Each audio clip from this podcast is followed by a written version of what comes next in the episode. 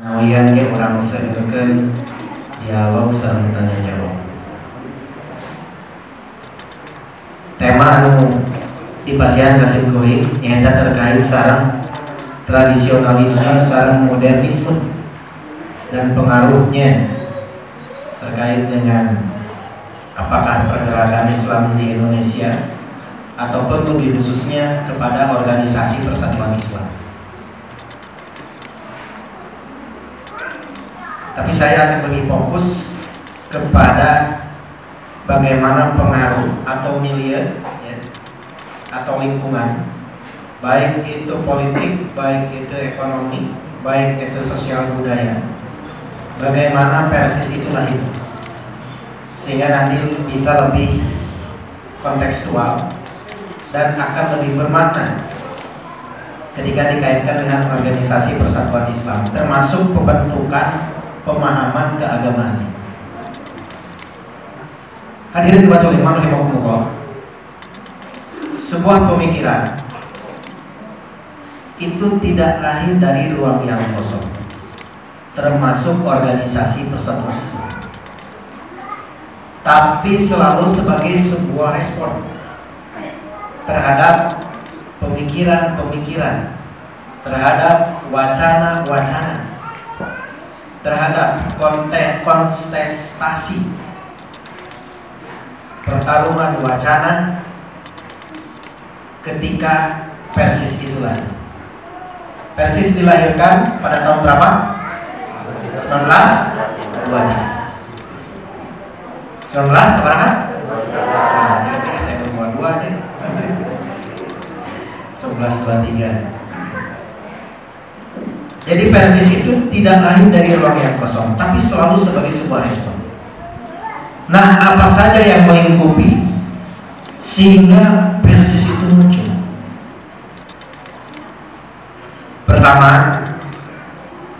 pada waktu itu tidak akan terlepas daripada konteks penjajahan tentunya. Dan penjajahan ini tidak akan terlepas juga dari konteks keterbelakangan umat Islam pada waktu itu. Jadi pada waktu itu umat Islam sangat terbelakang. Kemudian muncul, nah mulai kita akan melihat dari perspektif internasional dulu. Kemudian muncul para pemikir. Misalkan para pemikir untuk dalam bidang keagamaan itu Syekh Muhammad bin Abdul Wahab. Gerakannya dinamakan dengan Wahab Wahabi. Jadi gerakan Wahabi itu dinisbatkan kepada orang atau gerakan yang mempunyai pemahaman. Apa pemahamannya? Yaitu sama dengan yang diperjuangkan oleh Syekh Muhammad bin Abdul Wahab. Dan gerakannya pada waktu itu Gerakannya adalah melihat apa sebetulnya yang menjadi kelemahan umat Islam pada waktu. Yang menjadi masalah umat Islam, kenapa umat Islam itu mundur? Karena mereka umat Islam itu karena umat Islam itu bermasalah dari segi akidah. Lebih khusus lagi di framing yang jadi persoalan itu karena umat Islam mulai berkembang tahayul, bid'ah dan juga ulama. Nah di sini makanya menarik nantinya pengaruh gerakan ini juga besar terhadap persatuan Islam. Karena salah satu tujuan daripada persatuan Islam di antaranya adalah ini. Pada waktu itu sehingga tidak bisa dibedakan mana yang benar-benar agama secara otentik, mana yang sebetulnya itu hanya sekedar budaya. Termasuk juga keyakinan-keyakinan yang sebetulnya di luar Islam. Walaupun sebagai sebuah untuk masuk ke Indonesia nantinya, walaupun untuk sebuah strategi dakwah, Mungkin pada waktu itu masih efektif terkait dengan bagaimana dakwah wali songo itu berusaha menjadikan budaya sebagai alat untuk dakwah pada waktu itu. Jadi menaya wayang ya asalnya kesina terkait sarang ajaran-ajaran Hindu, cerita-cerita Hindu. Tah digentos we, kesigna kontena ku kalimat syahadat di usia kayak di bapak nate di cerita nate ayah rukun iman ayah rukun Islam. Dakwah melalui budaya. Lamun can selesai mah itu dacan tamat pak. Tujuan makan tenang. Para wali songo ge kumaha carana Islam teh dugi teh laras-laras betul-betul piul mumpahinten terkait sarang wasail terkait sarang metode yang tawisna aranjeunna gunakeun ku cara melalui budaya sebagai media untuk dakwah Islam sehingga mereka secara tidak langsung akan terpengaruh oleh Islam. Nah ini dia. Jadi apakah gerakan Wahabi itu ada pengaruh ke persatuan Islam? Ada. Apa? Di antaranya adalah memframing bahwa kelemahan umat Islam itu kenapa mundur itu karena umat Islam sudah terkontaminasi akidahnya.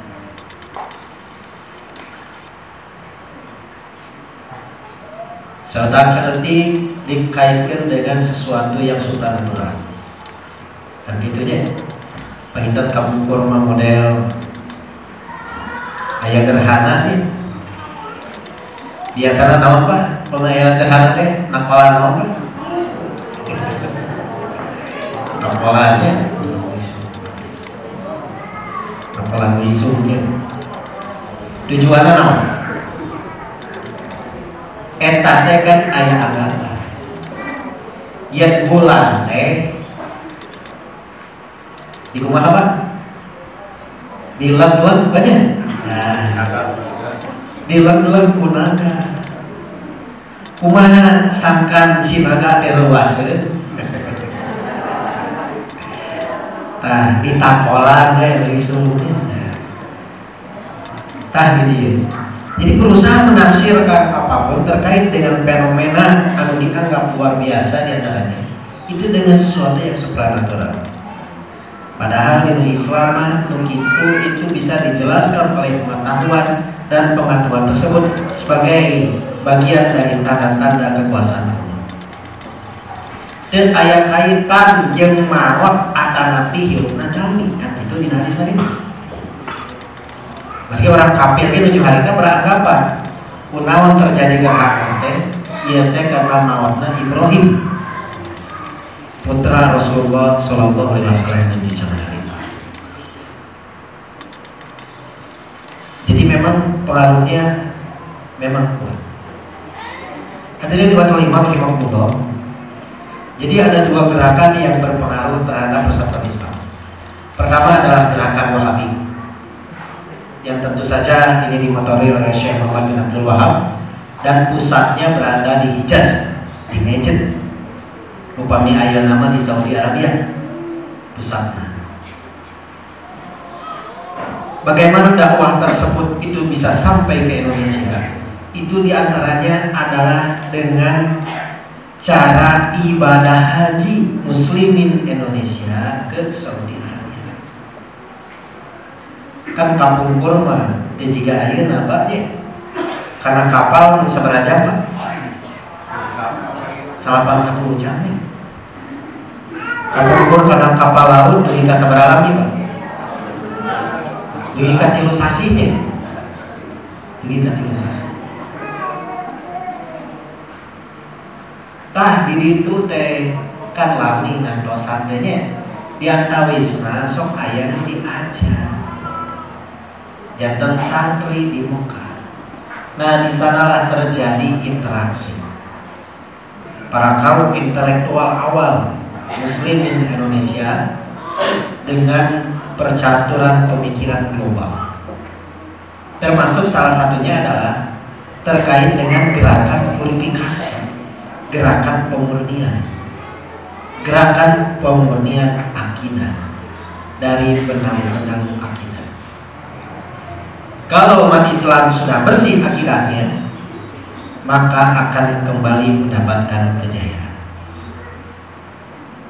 Karena sebab daripada kebenaran itu itu karena dari keyakinan keyakinan yang di luar Islam masuk ke dalam Islam. Betul tidak? Otaknya jadi tumpul. Karena apa pun fenomena itu selalu dikaitkan dengan sesuatu yang sebetulnya tidak ada hubungan sama sekali. Seperti percaya jimat-jimat kan ya. Ada sebetul nama lebih sugestif sifatnya.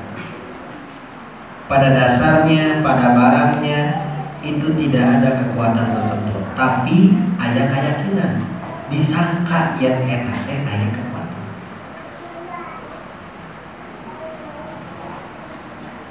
Termasuk pendennya upamnya ayat kuku-kuku lebat, cenah ayatnya bareng naon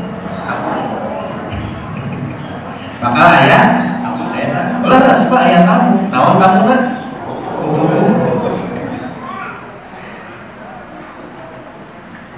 Hebat. Jadi seueur hal-hal anu memang sifat lahir orang. Ku penjajah maka nu teh dikukut ngajak. Nah, supaya tidak kritis kalau umat Islam bersih akhirnya pasti bakal kritis. Pasti bakal ngalau. Ya.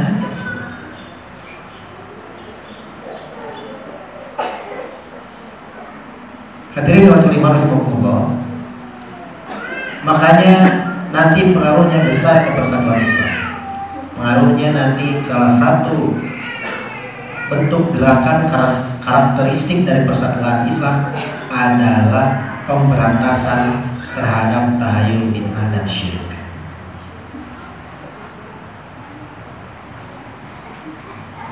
Jadi dua kelima Allah ada gerakan kedua yang juga berpengaruh terhadap persatuan Islam dan ini awalnya sama gerakan internasional.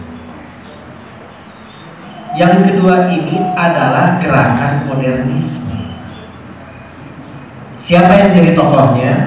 Yang jadi tokohnya di antaranya adalah Syekh Muhammad Rashid Ridho, salam Syekh Muhammad Abdul.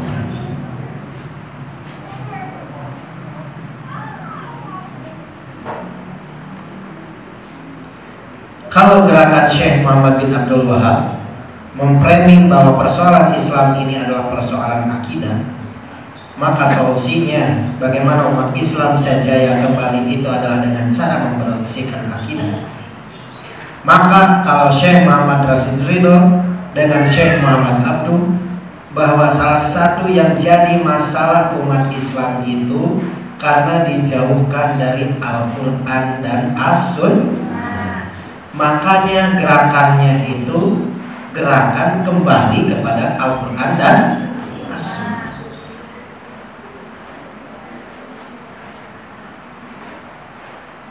Kenapa umat Islam itu mundur? Sedangkan yang lain maju. Umat Islam itu mundur karena meninggalkan agamanya. Sedangkan yang lain maju sama alasannya karena meninggalkan alasan yang sama tapi efeknya berbeda. Kenapa? Karena kalau Islam betul-betul kembali lagi, kaum muslimin kembali lagi kepada Al-Quran dan As-Sunnah, maka akan mengalami kejayaan. Sebagaimana pada zaman Abbasiyah dan pada zaman-zaman sebelumnya. Makanya berusaha dijauhkan pada waktu itu. Termasuk juga strategi daripada para penjajah pada waktu itu. Itu adalah dengan menjauhkan umat Islam daripada Al-Quran dan Rasul. Al-Quran cekap dibaca pun terkadang diterjemahkan kemudian ditafsirkan yang kedua juga yang menjadi persoalan Pak ini adalah terkait dengan merajalelanya atau tertutupnya pintu istihad. Ini salah satu persoalan penting yang mengakibatkan umat Islam itu jadi tumpul pemikirannya.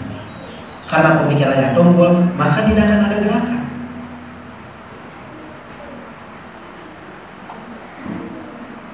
Ah, atau saya cekap kepada imam, kurang terkena istihad.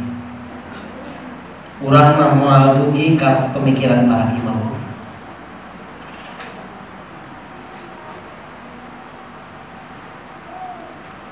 Maka akan berkonsekuensi dengan merajalelanya taklid. Apa itu taklid? Taklid itu adalah mengikuti sesuatu tanpa mengetahui dasar argumentasinya. Nah, terus pak, kumaha mama we, ya, cekak, kumaha pak kiai nah, pokoknya malah. Orang awam mah, mau bisa nanti cukup we kumaha mama kan dugi ke ayeuna asal-asal mungkin masih kena gitu. Salah satu problem umat Islam pada dulu itu adalah tertutupnya pintu Islam. Makanya oleh Syekh Muhammad bin Abdul Wahab dalam bidang akidah, kemudian juga Syekh Muhammad Rasid Ridho dan Muhammad Abdul ini dalam bidang pemikiran. Berusaha kembali reaktualisasi Islam. Berusaha arruju ila Quran as kembali lagi kepada Al-Quran dan As-Sunnah. Cobi pak. Kami kurang diajar pikir madhabnya iya tadi Imam Syafi'i Imam Syafi'i tidak bisa dipahami langsung kenapa kita mereka kecuali melalui ashab Syafi'i para murid Imam Syafi'i Nah, kita para ashab ya deh tidak bisa langsung dipahami. Tapi harus melalui kitab-kitab yang muktabar ya, syarah-syarah muktabar. Seperti Al-Majmu', Syarah Al-Muhazzab.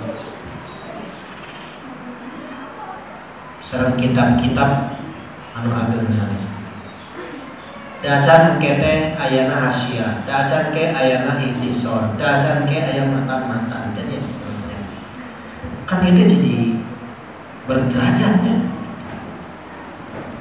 padahal ini kalaupun sampai kepada suatu yang muktamad nantinya atau misalkan kepada kaul salah satu imam yang menjadi asis menjadi madhab itu kan baru pemahaman daripada imam tersebut terhadap Al-Quran dan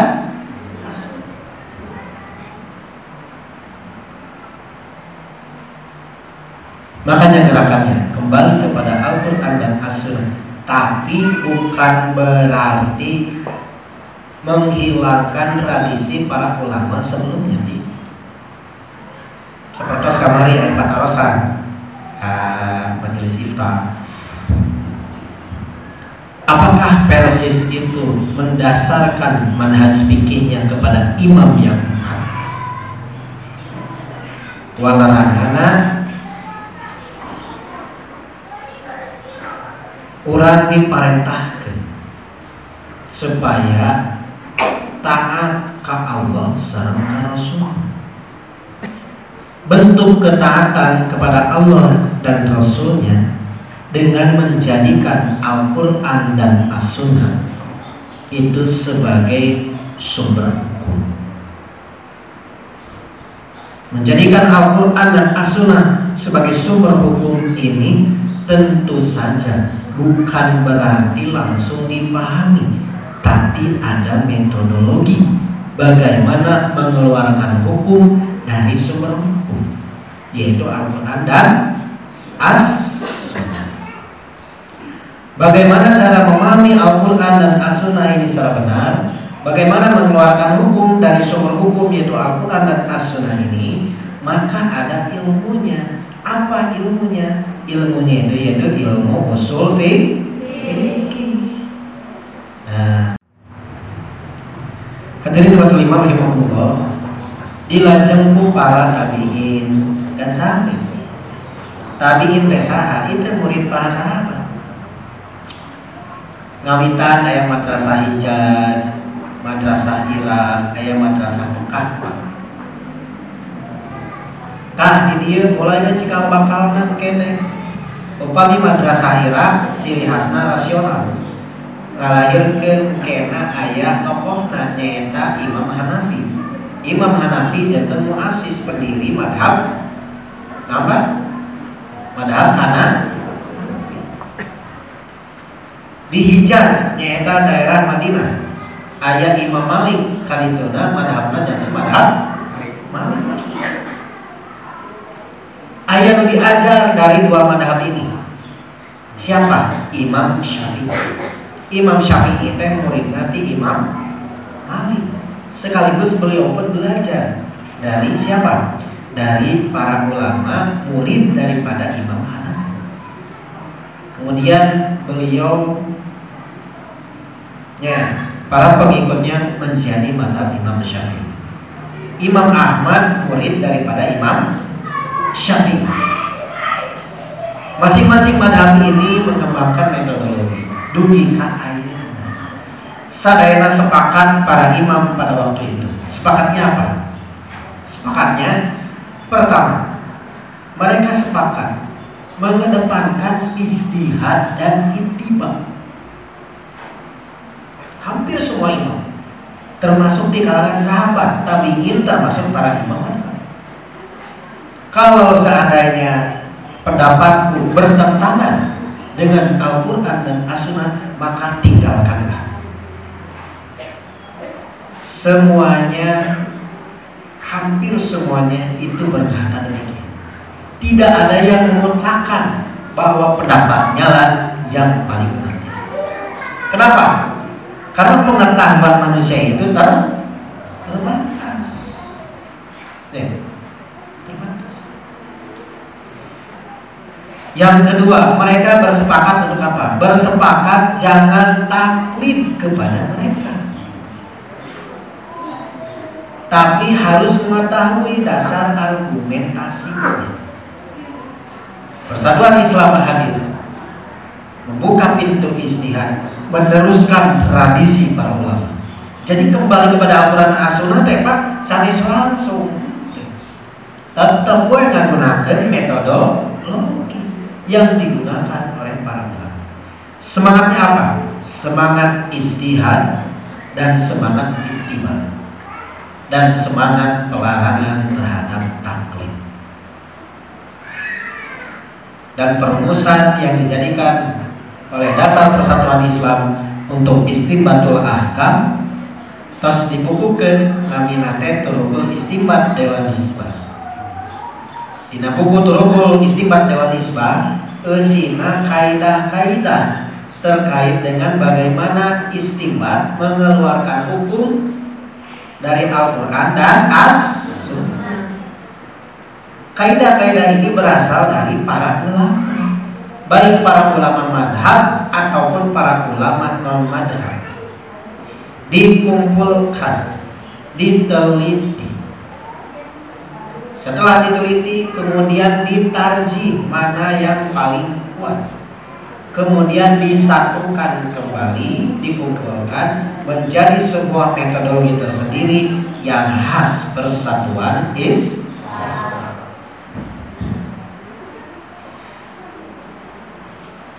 Hadirin waktu lima rahimahullah kembali kepada sejarah. Nah, gerakan kembali kepada Al-Quran dan As-Sunnah ini secara pemikiran tadi itu di antaranya adalah dengan membuka kembali pintu istihad karena sesuatu yang mustahil melakukan pembaruan tanpa melakukan istihad. Tanpa melakukan istihad tidak mungkin. Harus melakukan istihad. Dan inilah yang dibuka oleh para ulama pada waktu itu. khususnya oleh Syekh Muhammad Rashid Ridho dan Syekh Muhammad Abdul di mana yaitu di Mesir periode itu. Makanya karakter Mesir nanti dengan Saudi agak sedikit berbeda nantinya, termasuk juga secara cara pandang fikih. Yang menarik dua cara pandang ini itu pengaruhnya besar ke dan menjadi ciri khas, termasuk nanti ciri khas dalam fikih-fikih persatuan Islam. Satu sisi mempunyai pendasaran yang kuat terkait dengan teks. Jadi nanawan teh pak di persisme kena ayah rekol nah rekol naon rekol dari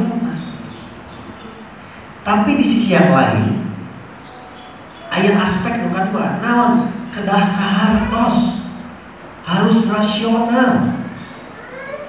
Tercekap ngan sekedar ayah rekol naon dan ini nantinya akan menjadi ciri khas terkait dengan fikih persatuan Contoh misalkan kasus seperti isbal ya Pak. Terang isbal? Ayah di dia isbal kan? Ayah musbil? Sadayana apa ya? Ayah angkat ya kan? Di, di atas mata kaki gitu ya kayaknya kayak gimana hadisnya jelas. Ma'as pala minal kabaini fa'inna. Sing anu lancinganana sarungna melebihi batas mata kaki papinna eta teh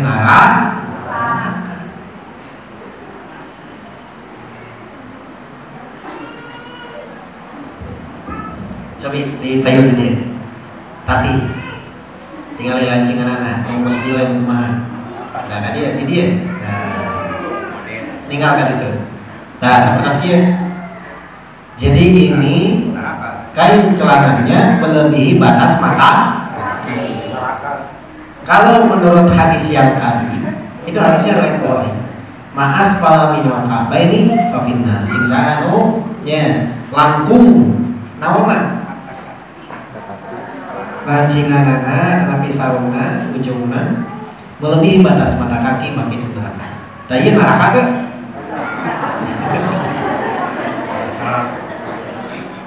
Cekap. Cekap. Unggul kan? Ya, ya pancinganana unggul harus pancinganana unggul. Sehingga dia Taban syada abila wa Cilaka dua lengan Abu nu cilaka naona masuk neraka?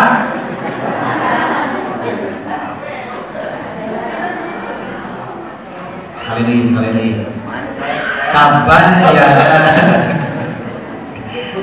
cilaka dua gagal abu nah, nu cilaka naona melepas neraka? Ari gubernur ke mana? Itu majaz mursalnya min itu akil juz wa disebutkan sebagian dari bangsa saya contoh kasus misalkan di orang Sunda mah mak kamana udah teh? Teka tingali irung-irungna acan kumaha lamun ayeuna udah kangen irungna unggul Lepas, katanya teteangan dan mak ya datang cina irma mukul sing disebutkan sebagian dari maksud masadaya hadirin dua lima rahimahullah nah itu. Jadi itu adalah dua pembentuk terkait dengan tradisi berpikir di persatuan Islam. Dan itulah nantinya yang menjadi bacaan para persis Ahasan Kiai Haji Zamzam Muhammad Yunus. Bacaan-bacaan. Khususnya yang paling pokok adalah Ahasan Hasan ternyata membaca. Pada waktu itu membaca majalah-majalah yang diterbitkan oleh kaum modernis. Sebelum Ahasan juga sudah ada pada waktu itu. Di antaranya adalah di daerah Sumatera. Sehingga ayat pesantren-pesantren tadi. Ayat Sumatera Kawali. Ayat Surau Besi. Ya.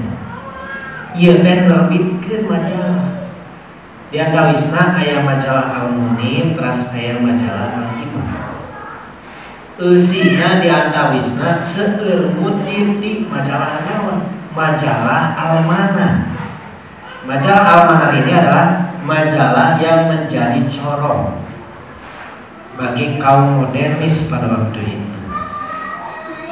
Yang di mana yang menjadi pimpinan redaksinya waktu itu redaksinya adalah Syekh Muhammad Abdul dan Syekh Muhammad Rasidin.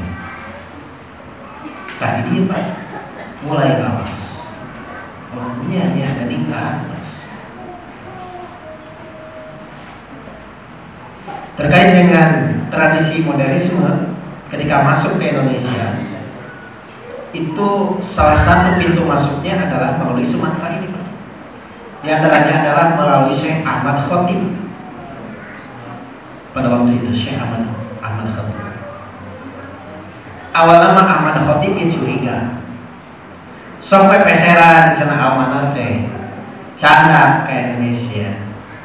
Tapi tinggali kelemahan sok kelemahan anu menarik pas dipilarian kelemahan justru malah sebaliknya jadi kepengaruhan termasuk murid-muridnya.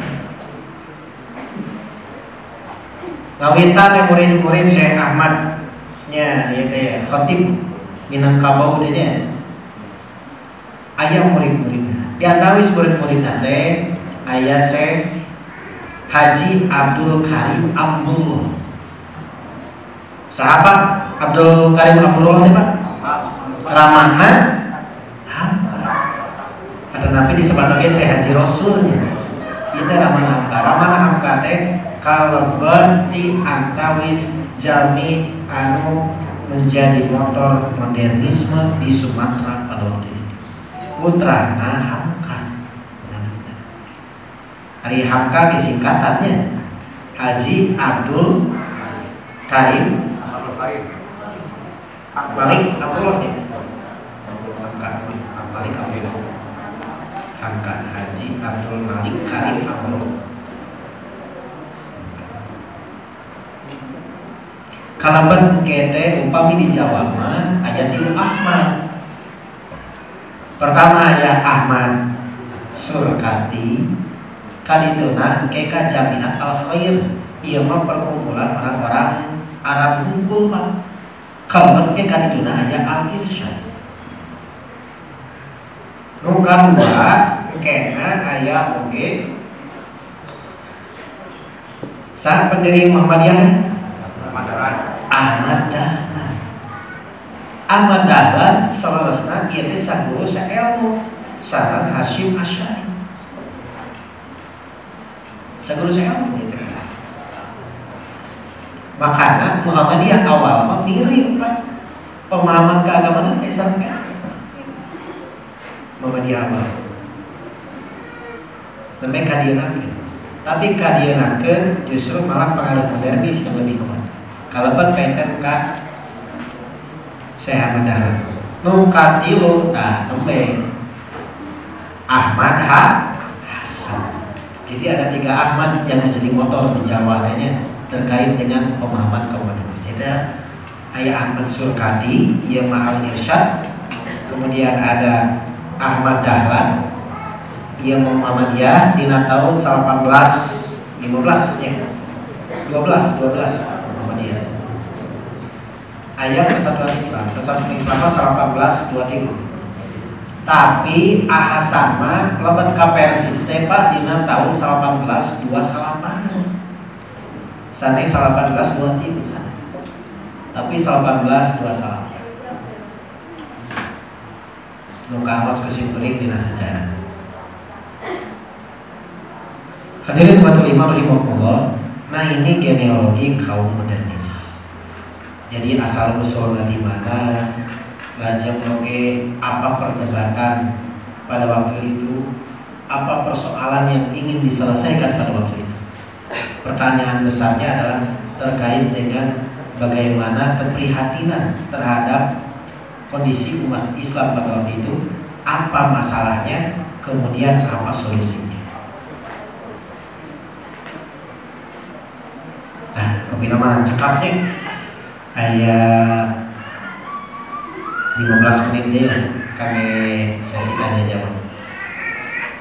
Iya pengen tuh sampai prem awal na hukulnya. Jajan pangitan kete di ahasan kumahaka Ustaz Abdurrahman. Iya genealogi di versi sih. Jadi ahasan ke ahasan teh kada dua murid fikih ahli fikih nyata putrana nyalira saha putrana? Abdul Qadir Hasan. Nu kadua Ustaz Endang Abdul Rahman Rahmana Ustaz Edira Ustaz Abdul Qadir Hasan akan melahirkan genealogi para ulama intelektual yang ada di Bangil. Kemudian menerbitkan majalah yang namanya majalah Al-Muslimun. Untuk di Bandung karena Hasan kan kawin nama di Bandung sehingga disebut oleh Hasan Ban kali kanan di dia dijaga ku Ustaz Abdul Rahman ya apa santren pajagalan ya nomor hiji nomor nomor di Ustaz Abdul Rahman ka Dewan Hisbah nu rata-rata Dewan Hisbah nu itu rata-rata adalah murid-murid dari Kiai Haji Endang Abdurrahman. Ustaz Romli, Ustaz Aceh, Alawiyaham, Ustaz Usman Solehudi, Ustaz Ikin Sodikin, Ustaz Ali Abdurrahman, Ustaz Hamid Sidi, Uku, Ustaz Sejatina ternyata ini rata-rata adalah murid daripada Ustaz Baru nanti ke Dewan Islam. Mudah-mudahan ya dina tentang masalah zamannya biasa dibuat. Minimal ada gambaran terkait dengan bagaimana situasi kondisi persatuan Islam itu lain sehingga kita akan menjadi semakin mengenal bagaimana gerakan persatuan Islam itu dan bukan hanya sekedar mengenal saja tapi juga semakin mencintai persatuan Islam dan juga semakin dijadikan sebagai asas gerakan. Ya. Pampang nama kami wasilah kami bisurga kan. Mudah-mudahan ya kau aktif di organisasi bersama di bersama Maka pilih ayah patarosan di bapak-bapak, di para pemuda, dan nanti di ibu-ibu, atau nanti para pemudi, maka